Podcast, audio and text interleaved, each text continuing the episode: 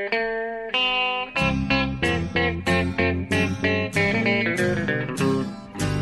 out there, we're on the air. It's hockey night tonight. Tension grows, the whistle blows, and the puck goes down the ice. The goalie jumps and the players bump, and the fans all go insane. Someone roars, Bobby scores at the good old hockey game. Oh, the good old hockey game is the best game you can name. And the best game you can name is the good old hockey game. Hallå, hallå, hallå, hallå, hallå, hallå, hallå, hallå.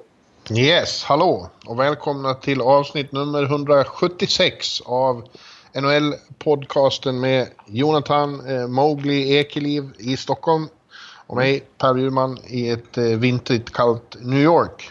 Eh, där, ja. ja. det har verkligen varit, eh, blivit kallt och eh, bistert här och eh, det har medfört, sig, medfört att jag är lite hängig också. Jag har haft hosta, ont i halsen och nu är jag lite så här småfebrig. Så ni får ha överseende med om jag är lite eh, seg och trög i detta 176 avsnitt. Men det finns väl risk att du är också, för om jag förstod saken rätt så var du på Sportbladets klassiska julfest igår. Ja, det var julbord igår. Så att, eh, men jag tyckte jag klarade mig hyfsat bra faktiskt ändå. Men det är klart, man blir, man blir inte jättepigg av eh, alltså liksom Jansson och massa lax och köttbullar. Den, den maten, det, det, är inte, det är inte klockrent för, för, för järnkontoret känner jag. Men eh, jag Precis, du åt för mycket, det var det som var problemet. Ja, du, ja, man kan ju tänka något annat. Men nej, jag, jag tyckte jag klarade mig ganska bra. I, i, på alla fronter så att säga. Mm. Eh, nej, men så att det, det, känns ganska bra. Men eh, nej, så vi, vi har ju en hel del... Det har ju blivit, eh, råkat bli två fredagspoddar nu istället för att vi brukar ju vara vana att spela mitt i veckan. Men nu har det blivit så i alla fall. Det här är tredje fredagen till och med. Kan det vara? Är det till och med så pass? Oj, oj. Ja, det ser jag. Ja. Men det är i alla fall inte sent på kvällen, utan det är mitt på dagen. Eller ja, ja. kväll för dig, men mitt på dagen för mig. Eh, så det blir visserligen, då refererar några matcher samtidigt. Jag ska däremot gå på match eh, om några timmar. Då är Kings i, i stan. Just det. Eh, LA Kings eh, mot eh, Rangers på Garden. Eh, repris av finalen 2014. Eh, och eh, ja, om vi ändå börjar där så är ju Kings... jag tror, vet inte om de har varit så bra som de är nu sen dess. Ja, det, ja, du tänker så. Du vänder på det viset. Och det tycker jag att du har en poäng i faktiskt. Vi har inte... Alltså vi... Ja, alltså... Så... De tappar ju lite efter den där andra finalvinsten. Och vi börjar allmänt prata om att det var lite för ålderstiget och lite för omodernt eh, för en ny era och att eh, den där epoken var över. Men de har ju mycket överraskande haft en utmärkt första tredjedel av säsongen här. Ja. Och är ju, är ju ett av topplagen i väst. Ja, precis. Vi, liksom i våran, under hela sommaren egentligen och i våran preview-podd så vi, ja, jag hade ju nästan en liten hånfull ton här när liksom att eh, de hade så otroliga problem med målskytte förra året. Och så blev deras stora förändring att ta in Michael Camilleri som mm. stora nyförvärvet. Men däremot så har de ju faktiskt gjort lite andra förändringar, kanske inte minst i, på, i stabfronten. John Stevens har fått ta över som, som tränare, gjort det väldigt, väldigt bra. Eh, han ja, kunna... men det trodde man inte heller. Man trodde att han var lite för liksom... Eh blek på något vis för det uppdraget. Precis, och en, en ständig eh, kompanjon till Daryl Sutter. Det kändes lite som en eh, Daryl Sutter 2.0 av honom. Ja. Eh, ja. men det har han ju nödvändigtvis inte varit. Och så har de faktiskt... Eh, eh de har haft Pierre Turgeon som assisterande tränare som, som, som har fått fart på offensiven. Jag gillar hans, hans titel. Han, det dels kallas han för assistant coach men också för, alltså från NFL, offensive coordinator. Alltså så här att han verkligen har snott begreppet från amerikansk fotboll, alltså att eh, verkligen koordinera offensiven. Och de har ju varit mer framgångsrika offensivt i år. Naturligtvis i och med att de är med i toppen. Mm. Men, men, men framförallt så måste man väl hylla vissa spelare som fortfarande, alltså kärnan som ju återigen har lyft sig efter att ha haft en tung, tungt år i fjol. Alltså, där framförallt, är det ju, ja. framförallt är det Anse Kopitar som är tillbaka i, i, i full swing och han är väl han är ju deras viktigaste spelare, en av, en av de stora hockeyhjärnorna i samtiden. Ja, det tycker jag. Det, det, det är ingen underdrift. Eh, ingen överdrift ska jag säga. ingen underdrift. Det vilken, vilken diss igen nu mot King. Nej, ingen överdrift ska jag säga. Nej, Kopitar, nej, han är ju otroligt bra. Det är han. Eh, och han, är ju, alltså, han, är ju, han har ju redan med råge passerat sin eh, målskörd från fjol. Han gjorde ju bara ja. 12 mål i fjol och det har ju faktiskt Luke Robitaille varit framme och sagt det för, för ett par veckor sedan att det kan ju ha berott på att han hade skadad handled i fjol. Han åkte runt i tre månader och kunde inte ens skjuta pucken. Nej. Eh. Nej, men precis. Det var väl det man misstänkte då också. Ja. det var ju, fanns ingen, fanns ingen logiskt, annat, annat logiskt skäl för att han skulle liksom dippa på det sättet. Nej, precis. För annars så kom han igång så fint den säsongen med, förde Team Europe till, till final i, i mm. World Cup och så vidare. Och har i många år här varit så extremt bidragande till, eh, till Kings framgång. På sommaren då hade han ju skrivit enorma kontrakter på 10 miljoner dollar per säsong. Mm. Eh, och liksom, ja, så att... Ja, nu... ja, men det, det, var väl inte så, för det är mer förvånande är väl att eh, Dustin Brown, sådana som Dustin Brown har varit så bra, att Jonathan Quick eh, är, i, i klassisk form igen. Ja, ja, det är precis. Det är verkligen många som har kommit tillbaka till sina gamla nivåer. Och framförallt, som du säger, de spelarna som man lite grann hade räknat bort. Alltså Dustin Brown, det är ju helt osannolikt. Så som de mm. verkligen har försökt i de senaste åren och framförallt i somras att dumpa av med det där kontraktet. Och de har försökt hitta någon deal med Ottawa med för, för NAF för att byta två dåliga kontrakt mot varandra. De hade ju långa förhandlingar med McPhee för att dumpa honom till Vegas och det gick inte. Och så blev man tvungen att ha kvar Dustin Brown här. Eh, ja. Och som jag var inne på i oktober tror jag början där. Eh, redan i, början av säsongen när han började starkt Brown så var det så att många i Kings ledet konstaterade att när han, när han kom till försäsongen till campen där Brown då såg det ut som den gamle Brown. Alltså det såg ut som en fem år yngre Brown. Alltså att han var, han var lättare i kroppen, gått ner kilo. Han, han, han såg mer vältränad ut igen. Han såg liksom mer pigg och sugen ut igen. Och det får man mm. konstatera att det verkar som att han är det. För att det är, det är mycket lag och, och, det som är extra speciellt med det här det är att Jeff Carter har ju varit skadad typ hela säsongen. Så de har gjort det här utan ja. honom. Ja. Det... ja. prata, prata på du. Ja.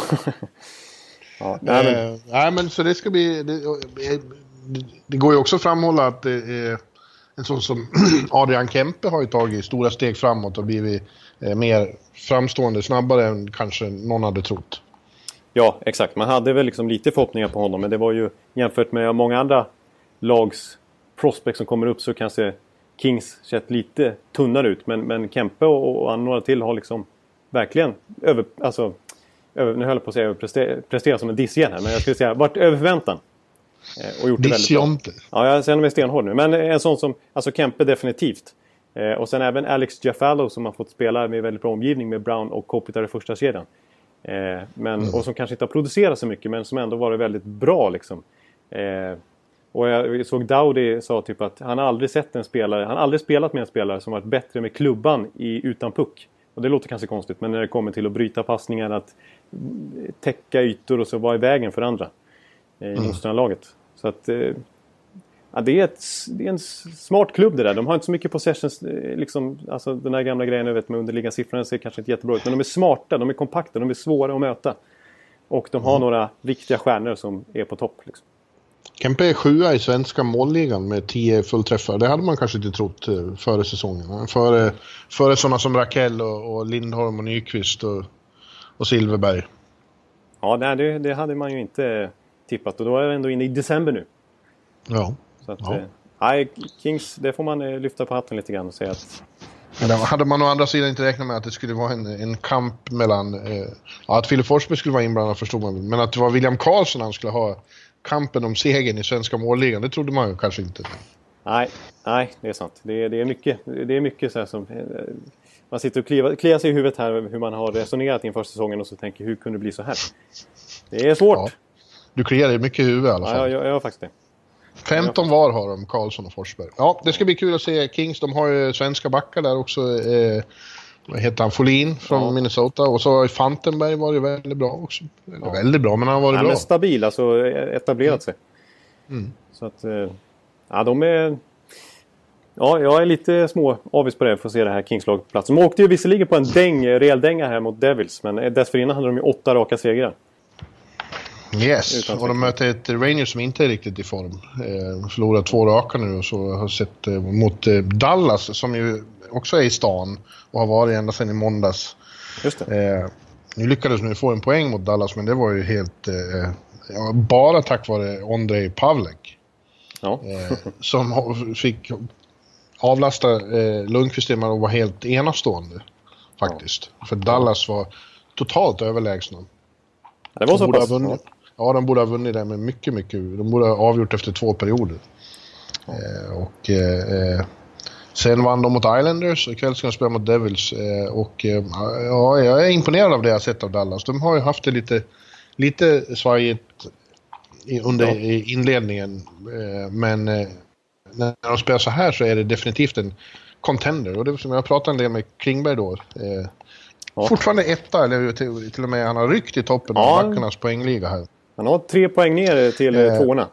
Ja, och han sa ju det, ja, på pappret har vi ju ett lag som är ett av de bästa i ligan, men vi har ju ny coach, nytt system och många nya killar som eh, kommer in och det, det, tar sin tid men eh, nu börjar vi hitta det här och eh, om vi kan vara lite mer effektiva och få mer utdelning än till exempel där mot Rangers då kommer det att bli en väldigt intressant eh, andra halva här eh, av säsongen för, för Stars, det tror jag. Ja, jag tycker det är mycket, mycket där som börjar sätta sig men kanske inte riktigt på det viset man hade förväntat sig inför säsongen. så då hade vi ju vi, det vattnades ju i munnen på oss när vi, när vi skulle få, få se Ben, Seguin och Spetsai, eller, och Radulov ihop. Kanske NHLs bästa kedja. Ja. Eh, och nu, men nu, alltså med de här matcherna som du har sett nu, det, då har ju Seguin varit tredje center och det har varit Faxa som första center med Ben. Och det har varit Radulov med Spetsa i andra kedjan. Och så vidare. Och mm. vi, vi såg ju framför oss en, eh, ett backpar med Metå, eh, Mark Metå och Klingberg. Att det skulle, eh, att Metå skulle få en ny svensk backpartner fast i en annan klubb där. Istället för Erik Karlsson så skulle han få Klingberg.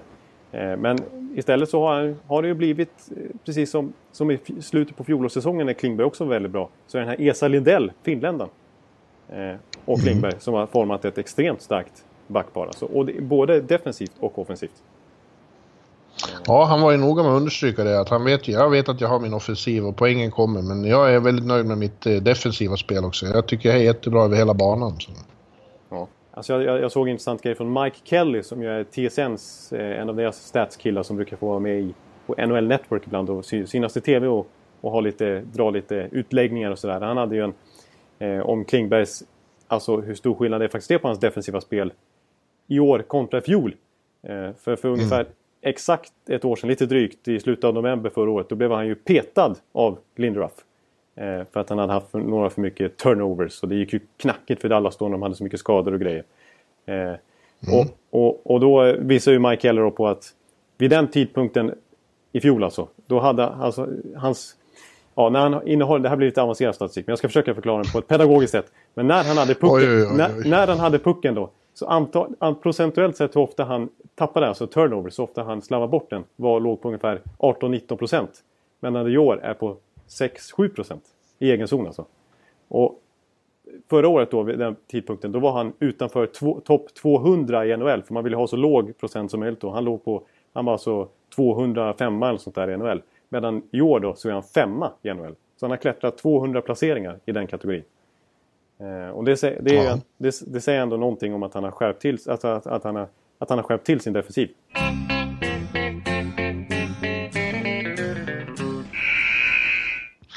Ja, vi har lite tekniska problem här. Vi får starta om och, och sen får eh, du klippa och stå i. Men vad, jag skulle precis säga att det, det är stadgat eh, Klingbergs eget uttalande där om att han eh, i fjol när det var så mycket skador och så att han försökte göra för mycket och försökte ta för mycket ansvar och nu koncentrerar han sig på sitt eget spel mer och kan göra det och det, det verkar ju vara ett rimligt. Det är rimligt inställning från hans sida så att säga. Ja, ja men är, den där statistiken eh, liksom ja, den, den bekräftar Bekräftar det, ja precis. Exakt. Jag, jag träffade han i somras också på den här pressträffen som jag återkommer till lite för ofta. Men då, då, då sa han ju, eftersom att jag så sällan får träffa de här spelarna, men, men då, sa han, då pratade han väldigt mycket om det också. Att, att han ville att han skulle fokusera på defensiven i år. Och han välkomnade även Hitchcock som coach. Eh, för att han, han tyckte ändå att Visst, alltså Stars har ju ett extremt offensivt potent lag och vi var ju lite bekymrade att en sån defensiv konservativ tränare skulle komma in och ta hand om det här. Mm. Eh, mm. Och det, det, har ju synts verkligen på deras siffror, alltså, alltså hur, att de inte för spelet på samma sätt längre. Att, att det inte är samma fart i Dallas spel, att det är mycket mer struktur och mycket mer... Ja, det är konservativt lite grann, får man ändå säga. Eh, mm. Men det, nu när det börjar sätta sig så har det ändå, är det ändå stor skillnad på försvarsspel, det kollektiva försvarsspelet. Och det tror jag också naturligtvis bidrar till att till Klingbergs utbildning på något sätt kan man säga, utveckling. Eh, men också Stars försvarsspel i stort naturligtvis. Ja. ja, och grejen är, får de ihop det, båda delarna, kan liksom kombinera sin explosiva offensiv med ett riktigt solitt defensivt spel, då jävlar blir de farliga. Ja. Ja, det, det, det, har du helt rätt i. Du har ju, ja, båda, båda vi har ju stora förhoppningar på det här laget när man bara tittar på pappret. Och jag tyckte den där Islanders-matchen, när de faktiskt fick lite utdelning, vilket de inte fick på samma sätt i, mot Rangers där, så... Ja, det var, Islanders hade det svårt. Det är också ett offensivt skickligt lag som har gjort extremt mycket mål den här säsongen. Men de hade svårt att komma in på Dallas och Dallas, de gjorde mål på sina chanser. Alltså, de har ju så pass skickliga spelare. Ben bara åker in och drar iväg ett skott som sitter som en smäck. Liksom. Mm. Det är ett skickligt lag, Dallas. Det kan börja vända nu. Ja, det tror jag. Ja, eh, men du, eh, du sa Rangers där och vi glömde en sak vad gäller eh, Rangers. Jag sa bara att de är nere i en, en liten svacka igen. Men mot Ottawa här, de förlorar borta mot Ottawa så eh, gjorde ju eh, Henrik Lundqvist sin 20 000 räddning. Ja, just det. och det är, bara, det är bara 15 tidigare i historien, i NHL-historien som har så många räddningar. Man kan fråga hur många han minns. Ja, ja det är nog inte... Ja, det så Men en, en, mer eh, intressant fråga är vilka minns vi? Vilka, vilka Lundqvist-räddningar minns du allra bäst? Och ja. eh, det räknas ju inte här då, men den i slutspelet, konferensfinalen mot Montreal, en propellerräddning. Ja, det var faktiskt den jag fick upp i huvudet. Mm. Ja, det är den alla upp men den var ju i slutspelet. I, jag, jag, jag, bloggade om det här häromkvällen och fick lite svar från, från läsare och så. Det, det, det är ju den, det finns en tid, rätt så tidig karriär mot Boston också när, när Savard, Mark Savard bara ska smälla in pucken men han, han stoppar den på något vis och, och Savard bara står och, och slår ut med armarna och åker fram och klappar honom på benskyddet med klubban. Ja, den var ju också bra. Eh, och så var det någon som påminde om någon mot Columbus här om året när han var bakom kassen och hoppade fram. Och, och ja. ja, det finns ju Jag vet vilken du tänkte på, för det var den jag, jag fick upp i huvudet härnäst när, när han var bakom kassen och sen hoppar fram där. Då är det med klubban han lyckas stöta. Ja. Exakt, och ja. det är klassiskt. Jag kommer inte ihåg referatet det men det, det känns som att det är väldigt så här. Oh, what is it? Can you Can, believe ja, that? Precis, exakt. Så att... Eh... Det var Johansson var det som skulle bara trycka in den i tom kasse. Exakt. Ja, 20, alltså, det, när, först när jag såg det jag tänkte jag bara nu har de jobbat hårt här, stadsnissarna. Nu, nu kör de som Ekeliv här och hittar alla möjliga konstiga former av statistik. 20 000 räddningar. Men det är ändå imponerande när det bara är av 15 stycken eh, som har gjort det mm. eh, i NHL.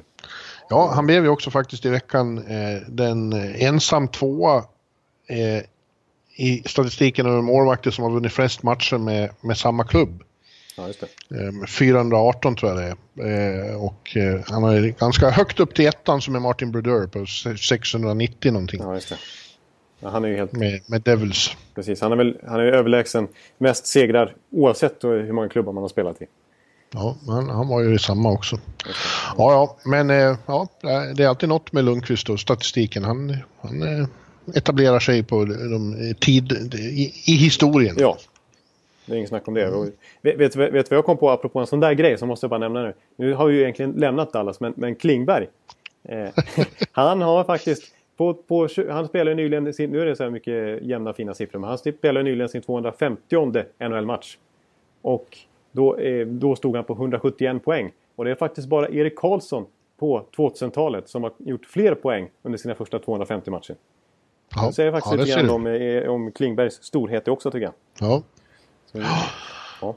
Och när du nämner Erik då så måste vi prata vidare om honom också. Eh... Ja, du, du är otrolig på övergången så jag blir, jag blir helt, Nej, den, stum. Den var, väl, den var väl inte så märkvärd? Ja, den var ganska bra ändå. Vi hittade den, du nämnde ja, honom. Jag nämnde honom och så tar du upp den. Ja, ja eh, det fortsätter ju hända saker kring Ottawa och deras stjärnor och deras allra främsta stjärna då som är Erik. Mm. Eh, vi pratade redan förra veckan om det här att han eh, sagt att han ska ha fullt betalt. Nu har det framkommit också att eh, eh, Ottawa har bett sina, de som har no, no trading-klausuler att, att göra lista på lag de inte vill bli tradade till. Just det. Eh, och eh, ja, själv tycker jag bara det blir kittlande att tänka på eh, Erik Karlsson i en annan klubb. Ja, jag vet. Men, men kommer du på något som känns realistiskt? För jag försöker... Jag, jag tycker också kul att läsa de här spekulationerna och det är klart de kommer upp nu och det är ju kittlande som du säger med just en så... Alltså, vi pratar ju om topp tre spelare i hela ligan. Ja. Eh, men... Ja, men eh, jo, men eh, om... Eh, om nu lönetaket kommer att segra iväg upp mot 80 miljoner. Ja. ja. det, ja, det går väl att tänka sig. Ja. Jo, det, det, det gör väl det alltså. Men jag, jag tänker det, det, dels precis, dels så, så måste den här klubben eh, liksom ha i ordning gjort så att man, man, har möjlighet att förlänga kontraktet på 12, upp mot 11-12 miljoner per säsong. Eh, mm. Och som säger, lönetaket höjs och de förutsättningarna höjs ju. Men så är det ett enormt utbyte Ottawa ska kräva om det ska vara värt att, att trada bort honom. Även om man naturligtvis då, om de skulle få indikationer på att han inte kommer göra det, så är det alltså det... Ja, det är så stor ja. affär det här så jag har så svårt att och greppa Men den. Om, om man nu är Ottawa då och, och eh, inte har lika mycket pengar som andra, eller är snålare då som de säger att Mil ägaren Mylnik är. Ja. Och då kan man ju också fråga sig vad är poängen med att och, och knyta upp sig alla pengar och, och betala för Erik Karlsson om man ändå inte kan ge honom en omgivning som, som, som ger förutsättningar att vinna. Vad, vad, vad är poängen med det? Nej. Då låter det ju smartare att gå en annan väg och försöka bygga ungt igen och, och bli eh, slagkraftig på det sättet. Ja. Ja, precis. Ja, det låter ju absurt att argumentera mot liksom att, eh, liksom så här, att inte behålla Erik Karlsson. Men det, är, det finns ju en poäng i det och det man, att man kan se det från den sidan. Liksom. Eh, jag, ja. jag har jättesvårt att se att man ska trada Erik Karlsson. Men kollar man historiskt sett på Ottawa så, så har de faktiskt ganska, varit ganska benägna att trada bort stora stjärnor som vill ha mycket lön. Alltså, nu senast har vi ju Kyle Turris till exempel. Nu träder de till sig en annan stjärna i Matt Duchene som snart ska sitta i kontraktsförhandlingar när hans kontrakt går ut precis samtidigt som Erik Karlsson där 2019. Men eh, där, var det ju, där var det just det som du säger med Melnick som har ett väldigt befäst rykte om sig att vara snål. Eh. Ja men det är ju inte bara det, de har inte lika mycket pengar. Att det ska vara så svårt att få in, de är inte bara snåla, de har mindre, de har inte lika mycket pengar som Toronto och New York och Tampa och allt vad de heter. Nej precis, exakt. Det är, så är det ju och den kanadensiska dollarn hjälper ju inte till för deras del heller. Nej. Eh, så att, ja. ja men jag, jag, I ett historiskt perspektiv, alltså jag tänker på och det har väl delvis med lönetakssituation att göra och ibland fall andra parametrar som kanske gör det orättvist att jämföra. Men de, de har släppt en Spetsa, de har släppt en Danny Heatley, de har släppt en Sven Chara, de har släppt en Wade Redden. En gång i tiden släppte de en Alexej Yashin, vilket var mycket andra omständigheter också. Men de har släppt många stora stjärnor som har krävt mycket lön. Eh, ganska kort in på kontrakts, nytt kontraktssituation. Eh, liksom. Mm. Så att, och det är ju ofta för att de har kanske inte... De kan, kanske helt enkelt inte tycker det är värt att lägga så mycket pengar på en spelare. Liksom. Eh, när de har den budgeten de har. Och eh, Erik nu, nu, alltså, i den här säsongen så spenderar de ju faktiskt nästan till lönetaket. Men Erik Karlsson själv sa faktiskt så sent som förra säsongen att eh, Ottawa är a budget team. Det är inget, ja. det är inget snack om den saken. Så det är, det är inget att hymla med. Utan du är tydlig där. Att eh, de har inte tillräckligt mycket pengar. Det är, därför, det är därför de har så svårt med en arena nu också. Alltså de, de får spela där ute på sin åker. Eh, för att Melnik har ju absolut inte råd att, att finansiera ett nybygge mitt i stan. Utan då måste ju skattebetalarna, Ottawa stad, kliva in och göra det. Eh, så att de ekonomiska ja. förutsättningarna i Ottawa är ju begränsade. Det är, inget, det är bara att konstatera att så är det. Och det är därför de, ja. de vill att han ska ta en hometown discount. Och det är därför de blir lite sura här. Trots att de kanske inte borde bli det. När de ändå har en så bra spelare i laget. Ja, jag, jag, vet inte om de har varit så sura. Ja, det är väl Melnik som har blivit, som, uh, har blivit sur. Jag vet inte om det är någon annan har blivit det så mycket. Nej, alltså eh, fansen har inte blivit det. Alltså fansen har Nej. full förståelse. De fattar, det är klart han, han vill ha betalt. Det, han är en världsspelare. Mm. Eh, och det är väl just tajmingen som gör att det har blivit sånt sus att det har varit, gått dåligt för Erik Karlsson själv, att det har gått dåligt för Ottawa. Och så kommer det här citatet som egentligen inte var det. Det, är ju inget utspel från Erik Karlsson. Det är inte som Drew Dowdy att han har tagit upp det själv. Utan han har ju fått en fråga och svarat på den. Eh, mm. Efter att Drew Dowdy egentligen tagit upp det från början. Så att, eh, det här är egentligen ingen stor grej av Erik Karlsson vill jag påstå. Han har ju i efterhand sagt att han, hur bra han trivs i Ottawa och så vidare också. Eh, så att, ah, det, det, det kanske har, men det är just att det är Erik Karlsson som gör att det blir så stort. Ja. Och jag, jag återkommer till det att jag har, jag har extremt svårt att se att, att, en, att, att en sån här trade skulle kunna genomföras under säsong. Kanske i sommar då, när lönetaket har höjts och det är andra förutsättningar. Men just nu så tycker jag att det är lite för tidigt att börja äl fortsätta älta det här. Alltså. Say hello to a new era of mental health care.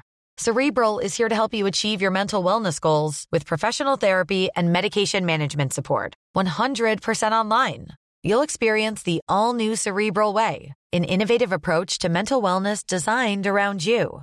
You'll get a personalized treatment plan from a therapist, prescriber, or both in a safe and judgment free space. Your cerebral therapist or prescriber will outline a customized plan with clear milestones along the way so you can get to feeling your best. With Cerebral, you're not alone in your mental health journey. We're here to empower you to live a fulfilling life. So take that first step towards a brighter future and sign up today at cerebral.com slash podcast and use code ACasts to get 15% off your first month. Offer only valid on monthly plans. Other exclusions may apply. Offer ends July 31st, 2024. See site for details. Ja, vi fick också höra att, att eh, Guy Boucher eh, blir kvar. Svor eh, general manager Dorian på här eh, under ett pressmöte i veckan. Eh, men eh, ja, det är, ju, det är ju som vi har gjort flera gånger. Det är svårt att inte se parallellerna till hans sejour i, i Tampa. Nej, precis. Det, det, är väldigt liknande utveckling här och att, att, de, att förlustsviten blir så lång liksom. För det var lite samma sak mm. i Tampa där att plötsligt så biter inte hans eh, speciella eh, persona liksom längre i omklädningsrummet. Mm. Alltså, men han var, han var kvar hela säsongen därpå? Det var han faktiskt. Eh, och sen så fick sen... han sparken när det gick ännu sämre om möjligt eh, året ytterligare därpå. Ja. Och då kom Cooper? Då kom Cooper, precis. Och nu går det bra?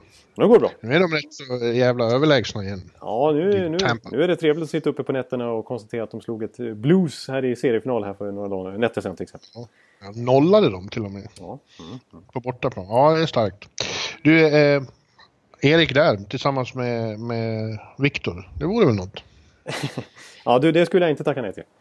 Men, det, då skulle, det skulle kosta. Då skulle jag bli av med några favoriter kan jag säga också. Så det, ja, Kors. Kors och eh, ja, några unga. Ja, det är ja, Braden Point. Ja. Nej. Ja, men det är så det kostar. Ja, men, alltså. Eh, det, det, det, och det tycker jag många, många fans som har skickat ut eh, trade-förslag nu till Erik Karlsson från sin respektive klubb. Eh, alltså de har ju varit groteskt dåliga. Alltså ska man få Erik Karlsson då måste man ge upp någon som man absolut inte vill bli av med. För att annars är det inte värt för Ottawa att göra den traden. Mm. Men eh, apropå Kutjov, vi tänkte eh, tjabba lite. Nej, nej, nej, nej. nej, Bra, tack. Vi... Eh, jag tänkte säga att Erik, eh, Las Vegas är väl också en tänkbar kanske destination. Jag tror han skulle tycka om själv att bo i Vegas spela i Vegas. Och apropå dem så var det eh, igår kväll eller sent i natt eh, så eh, Mark-André Fleur är ju frisk igen och står. Och det var ett, eh, ett intressant möte där mellan honom och Pittsburgh och hans protege eh, Matt Murray ja, i T-Mobile Arena. Och det var eh, Flower som drog längsta strået. Eh, han vann med 2-1 och han var enastående mot sina gamla kompisar. Såg du något av den matchen? Du, jag såg lite grann, men jag såg inte hela. Jag var ju ute och... Jag var ju helt enkelt... Ja, just det. Precis. Just det. Så det var en dålig natt för mig att se NHL. Eh, mm. Jag kom hem väldigt sent och han eh, se lite av de sena västmatcherna, bland annat Tampa som var där borta. Men, nej, men det, är ju, det, är, det är vackert att eh, Fleury, alltså... Ja, du, som, du som såg mer, han, han pratade väl knappt eh, under matchen. nej, Nej, men han, eh, det måste ju vara väldigt speciellt. Han har ju varit där extremt länge och eh, varit franchise-spelare och vunnit tre Stanley Cup med dem och så här. Så att, han sa väl efteråt bara att han, han, han onekligen tänkt mycket på den här matchen. Ja. Eh, men ja, det var nog feel good story över det där att han fick vinna den, tycker jag. Ja. Och James Neal gjorde mål för, för Vegas. Ja, Men... Ja, ja Vegas. Jag tror att eh, Galant har en Jack Adams-nominering eh, säkrad redan. Ja, det, det, kan nog, de kan nog missa slutspel och han är ändå en ja, av tre ja. åtminstone. Ja.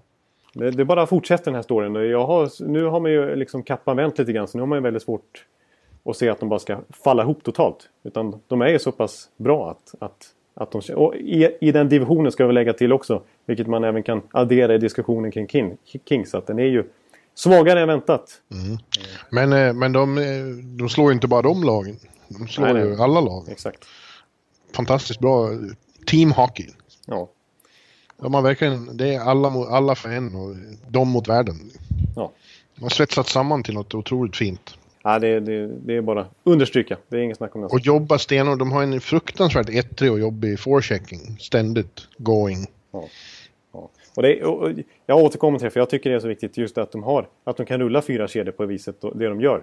Alltså, nu har de faktiskt fått spets. Jag menar, William Karlsson är ju en, en toppmålskytt. Eh, I alla ja. fall varit så. Visst, han har haft eh, extrem eh, utdelning. Faktiskt, rent statistiskt också. Men, eh, men att, att, att, att de är så jämna att de är så svåra att matcha mot. Liksom, för att de kan slänga in sin tredje kedja och den skulle kunna vara i princip första kedja också. Så, så jämn fördelning är det på de här kedjorna. Liksom. Ja. ja. Så att de, är, de, är svåra, de är svåra. Ja. Nej. Du var på väg över i något annat. Jag ville bara få, få det där sagt om, om den fina matchen. Ja, var... Du var på väg mot... Ja, men jag var på väg mot, eh, mot eh, ett målrace. Som vi kanske... Som vi väl, båda de här spelarna har vi återkommit till under, under hösten här. Men eh, nu är det ju så pass tajt så vi kanske skulle kunna ta upp dem samtidigt för en gångs skull. Eh, Kutjerov och Ovechkin. Ja, eh, eh, vad heter det? Rocket eh, Richards, heter det inte så? Ja, precis. Eh, trofén för den som är mest mål. Det verkar bli en, en, ett helryskt race där mellan Kucherov och Ovechkin. Ja, precis. Nu står vi båda... De ligger väl jämsides nu som du sa? Ja, fr från kväll till kväll så är det den ena den andra som leder. Men just nu så står de faktiskt, när vi spelar in det här, så står båda på 22 baljor. Eh, mm. Och eh, nu är det visserligen de är inte så överlägsna som man kanske skulle kunna tro. För 22 mål på dryga 30-talet matcher, då borde man, då borde man ju leda skytteligan. Men det är ju ganska, det är ett antal som ligger där på 19, 18, 17 och sen så börjar ju William Karlsson dyka upp där kring 15-strecket. Eh, mm. Så det görs ju mycket mål, fortsätter att göra mycket mål i den här säsongen. Eh, ja, det är inte lika många Nej. konstiga matcher som i, som i början, men, men visst. Är, de är så, vad, vad, står de på för snitt? Vad kommer de att sluta på om de, om, om, om de håller det här snittet? Ja, vad blir det? Ska man kunna, det, är, alltså, det, är, det är typ 60 målsnitt de är uppe på. Ja, det, ja, det är bra. Det ser vi, alltså Ovechkin har ju varit uppe där tidigare. Men det, det har ju känts otänkbart så som utvecklingen har varit de senaste åren. Eh, när det har mm. varit ännu mer drömgräns att överhuvudtaget nå 50. Så att de når 60 dessutom. Ja. Men eh, det återstår att se om de gör det. Men ändå, det, det... det intressanta är att deras främsta de som jagar närmast är ju faktiskt två Islanders-spelare och eh, Anders Lee är väl den stora sensationen med 19 mål. Och ja. Tavares på 18. Exakt, Tavares kan man ju köpa men Anders Lee som ju visserligen varit en, en, liksom en lite små sniper så här i skymundan i ett antal år intill Tavares. Att han skulle ligga här och nosa bakom, bara snett bakom med Kutjov och Ovechkin, det är imponerande. Det är kul, jag såg en graf på, på, på just Anders Lee här tidigare. Alltså, just, jag tror för mig att jag omnämnde han som det för någon månad sedan också när vi pratade lite Islanders. Att Anders Lee, alltså, alltså att han är nästan lite nya Wayne Simmons framför kassen. Han är så extremt bra i framförallt powerplay på att stå framför mål. Eh, och skymma och peta in returer och vara först på puckar överhuvudtaget där. Eh, och styra. Och i princip alla hans mål är precis i slottet. Eller ännu närmare. Mm. Så han gör alla, inte ett enda mål utanför. Eh, vilket ju är ganska sensationellt. Alltså man, om man jämför det här med Ovechkins mål till exempel. Så snittdistansen för Anders Lee är ja, drygt två meter från målet. Vilket nästan var längre än vad jag trodde. Men det är snittdistansen från han gör sitt mål. Ovechkin är ungefär drygt sju meter. Så det är ganska olika typer av målskyttar. Kan man säga. Eh, men, men Lee, han är, så är det. Alltså, eh, hittar man en specialitet som han har gjort, att stå framför mål och vara så extremt bra känsla för var puckarna dyker upp och kunna skyddas, alltså trycka undan motståndare så att man är, är verkligen först på pucken och kunna ha den intuitionen. Där är Anders Lee en alltså, verkligen specialist. Bäst i NHL just nu. Mm. På den spetsförmågan. Och jag måste nämna ett till namn som ligger kort där bakom på 16 mål. Han kommer nog inte orka blanda sig i hela vägen här. Men det är ju Brock Besser. Eh, rookien. Eh, som, ja. Alltså, vi har pratat... Säger man Besser? Säger man inte Boser? Jag ja. Det är, 50% säger Boser och, och, och 50% säger Besser. Jag har joinat Besser-skadan. Ja. Men vi, du, du, vi är ju ingen uttalspodd så du, du, kan få köra med Boser. så vi liksom jag, vet, jag vet verkligen inte. Nej, så att vi, vi kan köra båda två. Eh, men det, det var ju kul att vi har ju pratat mycket om Sedin senaste veckan och han sa ju här om Besser att the most natural, natural goal scorer I've ever played with. Om Besser. Ja. Det är ganska stora ord. 16 mål har han kommit upp i. Ja, nu vart det lite, nu vart det lite susig i huvudet här. Feber. Din röst bara maler i huvudet. Ja. ja. Jag hoppas att, ja. att lyssnarna hänger med oss här. Vi har, vi har som sagt haft lite teknikstrul men nu är vi glada att vi lyckas hålla uppe det här. Det är väl eh, kanske vädret i New York som ställer till det lite för oss. ja, jag vet inte. Men, eh, ja, vi, vi babblar på. Vi babblar. Men jag, vad det lider ska jag ta mig över till eh, Garden också. Ja, just det. Just det. Eh, eh, ja, nu blir det lite rörigt här. Men du, du har sagt på förhand att vi har pratat för lite om Boston. Eh, och, och, och det skulle du få göra, men då är risken stor att det blir väldigt mycket monolog igen. För jag har sett eh, eh, ganska lite av Boston. Det blir ju så att i det här jobbet som jag har så blir det väldigt mycket fokus på svenskar. Ja. Eh, så det är först hand de jag följer. Och, Boston har ju inga svenskar. De är tyvärr ett av få lag som inte har det. Nej, precis. I år. Eh, de har ju han... Eh, de har ju några som är precis på gränsen. Eh, ja, Forsbacka Karlsson, Karlsson. Och, och, han som slog sig in redan i fjol. Ja, vad heter Anton Blid. Ja, just det. Precis, och Forsbacka Karlsson är väl det stora hoppet i svensk väg där. Mm.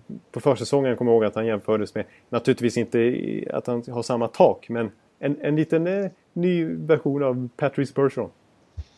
Mm. det var inga dåliga ord. Ja, eh, det är Boston Islanders, eh, Florida. Ja, det är bara de som inte har några svenskar tror jag. Just det. Då, då blir det naturligt så att det, är, att det är de lagen nu inte fokuserar stenhårdast. Nej, precis. Eh, naturligtvis. Men, eh, ja, men jag, jag, tycker ändå värt att slänga upp Boston lite grann här. Med tanke på att de gör det ändå helt, helt okej. Jag tycker det börjar utkristallisera sig en liten trea av lag som känns, slu, inte slutspelssäkra. De, de två översta naturligtvis, men att Boston börjar komma, nosa på den marken också. För det är en ganska svag division i år får vi säga. Eh, Atlant ja. Atlantic. Eh, men eh, ja. Tampa och Toronto har ju stuckit iväg. Eh, ja. Och skapat sig ett rejält glapp. Eh, men det verkar ju som Philadelphia, Montreal och Boston kommer att slåss rätt mycket om den där sista slutspelsplatsen. Ja, men fördelen för Boston i alla fall är ju att, att, de, att, att eh, alltså Philadelphia får väl snarare slåss om en wildcard-plats mellan Montreal och, och, Boston kan göra upp om den här sista säkra platsen. Just det, Philadelphia är inte det, förlåt. Nej. Nu, eh, nu är det såseriet här som... Nu är, nu är det febern ja. som talar. Ja, ja. ja Montreal. Montreal. Precis. Eh, och, och, visst, kollar man krasst på tabellen så det skiljer bara två poäng just nu. Men då har ju faktiskt Boston har ju bara spelat 29 matcher. Så de har ju tre matcher färre än just Montreal. Och ändå två poängs försprång. Eh, och deras trend är bra just nu. Alltså de har ju vad är de, 7-3-0 de senaste 10. Och jag tycker de spelar bra också. Och nu när de börjar... Oj. Nu flög det förbi en helikopter nästan utanför fönstret här. Oj, oj. Nu, nu ser du saker. ja, ja, jag har hallucinationer. Ja. Nej, men för, för det, det, som jag tycker är imponerande med, med Boston också är att de har haft mycket skadeproblem i år alltså. Eh, som, som skulle kunnat förpliktiga att de hade kunnat halka efter lite och inte ligga på den här tredje platsen för det här, vid det här laget. Alltså, i början av säsongen var ju Bergeron borta. Martian har varit borta en ganska många matcher då, tiotalet matcher. Eh, Krejcia som vanligt varit lite skadad. Krug var ju borta i början av säsongen. Tukarask hade ju en hjärnskakning. Eh, Spooner har ju missat stor del av säsongen. Backes har ju kommit tillbaka ganska nyligen. Alltså det, ja. det är ganska många etablerade spelare får man säga. Men de har några som har klivit fram här också. Ja. Jake DeBrusk och Anders Björk och, ja, ja, Björk, Björk säger man. Ja, men vi säger Anders Björk. Ja, gamla försvarsministern. Ja. Eh, nej, precis. Och det där känner jag, alltså, känner jag lite från andra lag också. Att på ett sätt kan det vara en blessing in disguise. Och då vet man vad jag menar. att Alltså, när etablerade spelare i nyckelroller är borta så måste någon fylla dem. Och i det här mm. fallet så, är, så, har ju de sysslat med en liten rebuild on the fly, Boston. Och tanken var kanske inte att Danton Heinen och Björk, Björk eh, och DeBrusco så här skulle få ta det ansvaret redan nu. Men de har ju tvingats göra det. Och de har gjort det ändå hyfsat bra för att hålla Boston flytande. Och nu när de har börjat få tillbaka folk från skador så ser ju hela truppen väldigt stark ut ändå. För nu kan de flytta ner de här killarna ett snabbt. Och de har fått växa mm. in i NHL-kostymen lite snabbare än väntat och, och, och vuxit in i den också. Ja. Då ser den ganska bra ut. Och när vi ändå pratar ungdomar så är den... Som, som dina killar i Tampa i fjol? Ja, men lite så. Till exempel där precis. Eh, nu ser vi ju eh, frukten av det i år med Braden Point till exempel och Janne Gård. Men, men i, ja. i, Boston så, så, måste man ju lyfta fram även eh, alltså den, den stora den stora utropstecknen här i året, det går inte att komma ifrån. Alltså, det är ju Charlie McAvoy. Mm. Eh. Ja, men det såg vi redan när han kom in i slutspelet i fjol och, och såg ut som eh, att han hade spelat NHL i flera år. Ja. Han kom direkt från college. Ja, ja precis. Alltså det, var, det var ju kul eh, faktiskt hur, hur, alltså, hur bra han var. Att han verkligen var så bra. Att han levde upp till hypen. För att, först fick han ju börja i Providence nere i AHL där innan slutspelet. Och så sa deras coacher och stab där att ah, han är ju för bra för oss. Vi kan ju inte ha honom här nere i AHL. Det är bara skicka upp honom till NHL. Du får inte spela här. Du är för bra. Det går inte. Det var liksom mm. att de själva sa det. De insåg det liksom. Och så kom han in i och gör ett sånt bra slutspel. Och nu i år, alltså det sjuka är ju alltså vilket förtroende han får här också. Av Bruce Cassidy. Eh, mm. Som är en bra coach, det får vi konstatera. Man var lite ifråga, ifrågasättande till det valet att, att sparka Claude Julien. Som ändå varit så framgångsrik där. Och ta in Cassidy. Men jag tycker han har gjort det bra. Eh, gillar hans driv. Eh, men eh, alltså McEvoy, han spelar alltså, det är han och Ryan Suter som har mest istid av alla backar i hela NHL. Av hela, alla spelare i hela NHL. Den här säsongen, 5 mot 5 då, om man bara koncentrerar till 5 mot 5. Och det är alltså en rookie, en 19-åring. Som gör sin första höst i NHL. Som får ja. det förtroendet. Och gör det så bra. Alltså, han är väl uppe i en 17-18 poäng. Han har ju fantastisk, fantastiska underliggande siffror när det kommer till... Alltså han, det är backparet med han och Chara. Chara ska ju också ha beröm som är 40. Han är, dubbel, han är mer än dubbelt så gammal som Charlie McAvoy. Eh, ja. Och... Han har sett lite piggare ut än han gjorde i fjol tycker jag. Ja. Eh, man kommer ihåg under World Cup så tyckte man att nej, nu börjar det gå väldigt långsamt. Exakt, och han åkte inte så mycket skridskor då tyckte jag heller. Att han, var, han levde mycket på sin reach liksom. Och mm. det började bli lite för uppenbart att, att han gjorde det. Men nu, nej, jag håller med. Han ser lite alertare ut i benen överhuvudtaget och i, i sitt mindset också. Det är kanske att, att McEvoy har delat med sig lite av sin ungdomliga entusiasm med honom. Ja, att, ja det är inte omöjligt. För att, för, alltså det backparet har fantastiska siffror. Alltså de, när de är inne på isen så, så, står, de, så står Boston för ja, drygt 60 procent av målen. Om de har dem inne på isen. Eh, kontra vad, som, vad de släpper in. Så de har ju väldigt positiv inverkan på spelet. Eh, och massa andra siffror man skulle kunna babbla upp. Men jag har haft så mycket siffror i det här avsnittet så nu ska jag lägga ner med det. men eh, men sen, sen, så måste man ju lyfta fram alltså en spelare som, som verkligen har kommit otroligt starkt senaste året, åren. Och då skulle man kunna nämna David Pasternak. Som är väldigt bra. Alltså, ja, verkligen, verkligen. verkligen har levt upp till sitt kontrakt som han skrev här i höstas också. Som det tog tid att förhandla fram. Han har ju varit fantastisk. Och, och levt upp till vad Carl Söderberg sa dig i omklädningsrummet här ja. för några år sedan. Om att Pasternak skulle bli en superstar i NHL. Ja, precis. Och då, då hade han bara spelat typ 5-6 matcher i NHL. När vi, han uh, lyfte fram honom extra noga. Han satt som en liten spillevink i omklädningsrummet. Eh, Pasternak där, för sig själv. Ingen ville prata med honom. Nu är det annorlunda. Mm. Men eh, den, den jag egentligen tänkte nämna faktiskt, här, för nu för jag kände att när jag formulerade som jag gjorde med kommer fram de senaste åren, då var det ju Pasternak. Men en som verkligen fått ett enormt offensivt genombrott som jag ändå vill kalla det. Det är faktiskt Brad Marchand. För han har ju varit med länge nu och varit... Men han har ändå haft stämpeln på sig som en liten skitstövel, som en agitator, som en energispelare ja. i en andra kedja liksom. Jo, jo, men han har ju... Eh, det är inte i år han har slagit igenom, alltså redan i fjol. Så, ja. och, och, eller för två år sedan och, och, och, hans eh, fantastiska spel i World Cup med Crosby och allt vad det var. Precis, men det, kanske det är brytpunkten ändå om vi säger World Cup. För att visst, alltså det, det är ett jättevälkänt namn och en, en poängproducent sedan tidigare. Men eh, alltså han har ändå varit i NHL i ett decennium nu ungefär. Och tid, inför fjolårssäsongen så var hans... Jag tror hans rekord var kanske 60 poäng eller något sånt där i NHL. Men förra året gick, han ju upp på långt, alltså långt, men över en poäng per match. Och var uppe kring 40 mål. Och i år, trots lite skador så, här, så har han varit extremt bra i år igen. Och jag menar, eh, Boston-folk vill ju lyfta fram honom nästan som en Hart Trophy-kandidat för att han är så bra. Eh, mm. Och jag kommer ihåg att, att, förra året så, så var ju Bergeron en liten besvikelse. Han kom ju bara upp i, kom inte upp i 50 poäng ens tror jag. Och ändå så vann ju han som vanligt Selke Trophy, vilket ju inte är oförtjänt för att han, han är ju en extremt bra tvåvägscenter. Men då vill jag ju verkligen lyfta fram Martian. Alltså, ska någon gång en ytterforward få priset som Selke Trophy, då, då var det ju Martian. Det är en av dina käpphästar ja. om, om, om forwards.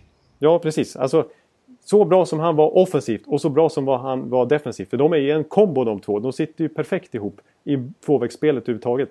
Jag tyckte att det var Martians säsong i fjol och då skulle han fått det priset. Och i år så tycker jag att han är hur bra som helst i år igen. Eh, fantastisk vecka här bakom sig när han har avgjort matcher hit och dit och gjort fina prestationer hela tiden. Ja, jag, jag är, trots att jag kanske inte är så förtjust i Martins slewfoots och hans eh, eh, ful, fula grejer som han håller på med. Eh, så, så, måste jag säga att som, som, spelare så har jag fått en helt annan respekt för honom de senaste åren. Han är riktigt bra. Ja. Nu blev, ja. nu blev jag tyst. Nej, men jag sa ju att det skulle vara en monolog. Och mycket riktigt. Ja, mycket riktigt så, så blev jag så här and, andnöd till slut. ja. ja. Men det, det blir... Det blir intressant att se vad som händer med dem. Eh, om de, det har ju varit lite eh, streck, balansgång på strecket i flera år här. Just det, och de har chokat ihop sista kan... veckan liksom. Ja, fast det var väl inte riktigt sant förra året. Nej, förra året så klarade de det. Det är sant. Det är sant. Ja, nej, nej precis. Nej, men jag, tror, jag, jag tycker ändå om Boston för en gångs skull kan få vara lite skadefria. Så när man bara tittar på deras trupp rent krasst nu. De har ju till och med haft råd här att kunna wava Matt Beleski stora kontrakt. Häromdagen. Mm. Borra ner honom i AHL. Så tycker jag att det ser, det ser bra ut alltså. De har definitivt ett slutspel att göra. Ja. Och lyckats, eh, trots att han har fått mycket skit och mycket rättmätigt. General managern där borta. Eh, så, så, eh, så tycker jag att de, alltså att de har lyckats lite grann med sin rebuild on the fly. Att de har mycket ungt och spännande på gång. I, framförallt på, på backsidan men även forwardsidan. Så att, eh, ja, mm. ja, de förtjänar lite cred. Ett eh, hedersomnämnande här från Ekeliv i NHL-podden. Ja. ja. Ja, vad fint. Ja.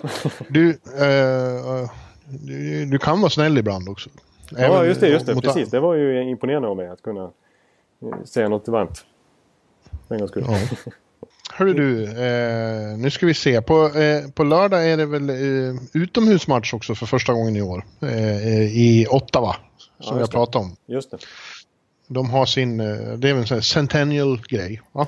Ja, det stämmer. Precis, de ska köra sin, eh, där mot Montreal. Väl? Ja, ja det blir nog väldigt speciellt. Men, och apropå det så är det, är det ju Winter Classic snart också till, på nyårsdagen då, mellan Rangers och Buffalo här i New York på City Field baseballlaget Mets eh, hemmaarena. Och apropå, eh, med anledning av det då så startade en ny säsong av eh, Road to Winter Classic häromkvällen. På, inte på HBO, inte på Showtime, utan på, eller på Epix, utan på eh, NBC, NBC Sportkanal. Okej, just det. Och, och eh, jag kan meddela för de som inte har sett att det var en grav besvikelse. eh, de första åren det där sändes var det ju helt sensationellt. Det var timslånga grejer, eh, avsnitt på eh, HBO, helt osensurerade. Eh, ja. Där man verkligen fick en, en riktig inblick i hur det ser ut och låter och känns bakom kulisserna. Det var ju riktigt häftigt. Det kändes som att det... NHL-världen, liksom, alla hockey, riktigt hockeyintresserade, liksom slöt upp kring det här programmet. För det var, det var efterlängtat ja, man... och det var väldigt bra. Ja, det var riktigt ambitiöst gjort och, och, och liksom djärvt och vågat. Man fick verkligen se både med warts and all som de säger. För det var ju mycket svordomar och elände. Ja, liksom. Som de annars är, eh, inte är så Men det här, mm. det här är till att börja med bara en halvtimmes avsnitt med reklam. Usch. Och helt, eh, helt tvättat på allt som eh, skulle kunna vara kontroversiellt, sticka ut. Inga svordomar, ingenting. Liksom. Det var som att se ett, ett längre reportage på en lokal kanal eh, utan högre ambitioner. Otrolig besvikelse. Jaha. Ja, det var en, eh, nu var det du som kom med en praktsågning här. Ja, men, ja, men det var... Det, var eh, ja, det känns inte som det är något man behöver se. Liksom. Nej. Nej, jag har inte sett att... Annars har de här säsongerna alltid dykt upp på Viaplay. Eh, men det har jag inte sett än så länge så jag har faktiskt inte sett då. Ut, när, när... Nej, det är väl för att det är NBC. Nej. Ja, precis. Och när, utifrån eh, dina hintar här som jag tog del av så, så blev jag inte jättesugen här heller. Jag har inte ansträngt mig jättemycket för att se det. Du, hur många plus ger det? För du är ju gammal recensent så jag måste ju fråga hur många, hur många plus eh, du, du ger. Det låter inte som så många. Nej, det är nog en, ett plus. Oj, det är ett plus. Ett, mellan ett och två. Två får vi säga, det är väl ändå. Man är väl bortskämd då. Liksom. Hade det här varit första gången man såg det så kanske man tyckte det var lite häftigt. Men, men nej, det är inte som när Bruce Boudreau var, gick omkring och svor i, i fyra avsnitt i rad. nej, precis. Exakt. Nej, och jag tyckte redan förra året, eh, ja, sen Epic tog över från HBO, alltså redan då, så, ja. så, eh, så tyckte jag att det blev sämre. Att det blev mindre och mindre unikt material och mer och mer liksom, ja, så här, eh, slowmo bilder från matchsekvenser. Ja, exakt. exakt det, det, orkar man ju inte med liksom. Eh, I fyra, fem avsnitt. Att... Nej. Nej. Tråkigt. Tråkigt. Tråkigt. Ja. Men eh, ja, vi får väl... Eh, och, och, Ja, jag, jag hade faktiskt inte ens tänkt på den här utomhusmatchen som kommer nu. Det ska väl ändå bli lite kul med Centennial Classic. Det är två väldigt klassiska lag. Och bra för Ottawa och även Montreal kanske att få, en, få ett sånt här avbrott från ganska tunga ja, det, perioder just nu. Det lär ju bli eh, en stor publikfest där såklart. Ja. Det, är, det är nära mellan Montreal och Ottawa, det kör man ju. Ja, precis. Men, så det kommer vara enormt mycket Habs-fans där. Ja. Men annars är ju du och jag och du som har ännu större erfarenhet som faktiskt har suttit på plats på de här typerna av matcherna inte sådär superattraherade längre av utomhusmatcher heller. Nej, Nej de är, men då, och då är de ändå väldigt mycket roligare och bättre att se på tv än eh, på plats, tycker jag. Ja, just det. Du, du, du, eh, det är kallt och, och jobbigt och svårt att se, antar jag. Ja, men eh, nu ska jag i alla fall... Jag ska till City Field i alla fall för att se hur det blir. Ja, ja det förstår det, det, På nyårsdagen. Ja. Det är klassiker, så där, där måste det vara. Det, det är tradition för dig också nu för tiden. Ja, Ja, men du har varit på många? Majoriteten? Nej, jag var på... Nej, det var inte, inte alls det. Nu ska vi se vilka jag har varit på. Jag har varit på... Eh, i, på eh, I Chicago när det var eh, första matchen där på... Eh, vad heter den? Eh, ja, den klassiska basebollen. Wrigley Field. Mellan eh, Chicago och Detroit. Och jag var i Detroit när det var... 100, 100 000 matchen? Ja, på Big House. Ja. Eh, och så var jag i Washington ett år och så var det här när de var på Yankee Stadium. Ja, det. Men det är de andra har inte varit på. Ja, det. Men det är ändå... Ja, jag tycker ändå många. Fyra, fyra fem stycken. Det är coolt att vara, det som är coolt är att vara på en an, annan slags arena och få se de här eh, omklädningsrummen och hur det ser ut eh, liksom, i, den, i den sortens hallar. Ja, det är väldigt stor skillnad alltså. Eller hallar, vad säger jag? Arenor. Arenor, stadion. stadion. Ja. Ja. ja, ja. Men du, nu, nu, nu måste jag börja röra mig mot eh, en annan arena eh, oh. som jag känner desto bättre. Ja, ja du, du, ja, du lyckas runda av det på ett snyggt sätt igen. Jag, jag, jag, tanken är att jag ska ta över då och liksom fortsätta, fortsätta samtalet här, men jag blir så, jag blir så lycklig. Liksom. Jag, jag, kommer, jag tappar bort mig själv, vilket ju inte är meningen. Då, men, förlåt, nu förstörde jag igen här känner jag. Men, men eh, du, jag är glad att du lyckades få till den här podden i alla fall. För det har varit lite stökigt för oss här med, med tekniken och, och, och, du är ju inte i superform och inte jag heller. Så att, men vi, vi har lyckats eh, få ihop den här veckan i alla fall. Ja, och, eh, vi återkommer nästa med, med en liten julspecial antar jag. Precis, det blir, vi kommer vara lite juliga och förmodligen lite eh, ja, på lite julhumör nästa, nästa vecka har jag en känsla Vi hoppas på det. Så, så, så hörs vi då helt enkelt. Så att vi, vi tackar för oss nu. och så ska du få ja. springa till eh, Madison. Ha det så bra. Hej hej. Hej. Hej. Hallå, hallå, hallå. Hallå, hallå, hallå. Alex Chiazot, Joe Luis Arena och Esposito. Esposito. Uttalsproblem, men vi tjötar ändå. Och alla kan vara lugna, inspelningsknappen är på. Bjuder Hanna Kohl, han är grym i sin roll. Från Kållesoffan har han fullständig kontroll på det som händer och sker. Det blir ju allt fler som rattar in hans blogg. Och lyssna på hans podd. One, two, time, speed, so Hallå, hallå, hallå. One, two, time, speed, so Hallå, hallå, hallå. Ekeliv, som är ung och har driv. Verkar stor och stark och känns allmänt massiv. Han hejar på Tampa och älskar Hedman. Sjunger som Sinatra. Ja, och det ser man. Nu är det dags för refräng. Dags för magi, Victor Norén. Du är ett geni. Så stand up med tung and remove your hats. Höj volym, för nu är det plats. One, two, time, speed, so Hallå, hallå, hallå. One, two, time, speed, so Hallå, hallå, hallå. One, two, time, speed, so Hallå, hallå, hallå. One, two, time, speed, so Hallå, hallå, hallå. Det är otroligt länge sedan båda samtidigt var så här bra. Hallå, hallå, hallå. Det är otroligt länge sedan båda samtidigt var så här bra.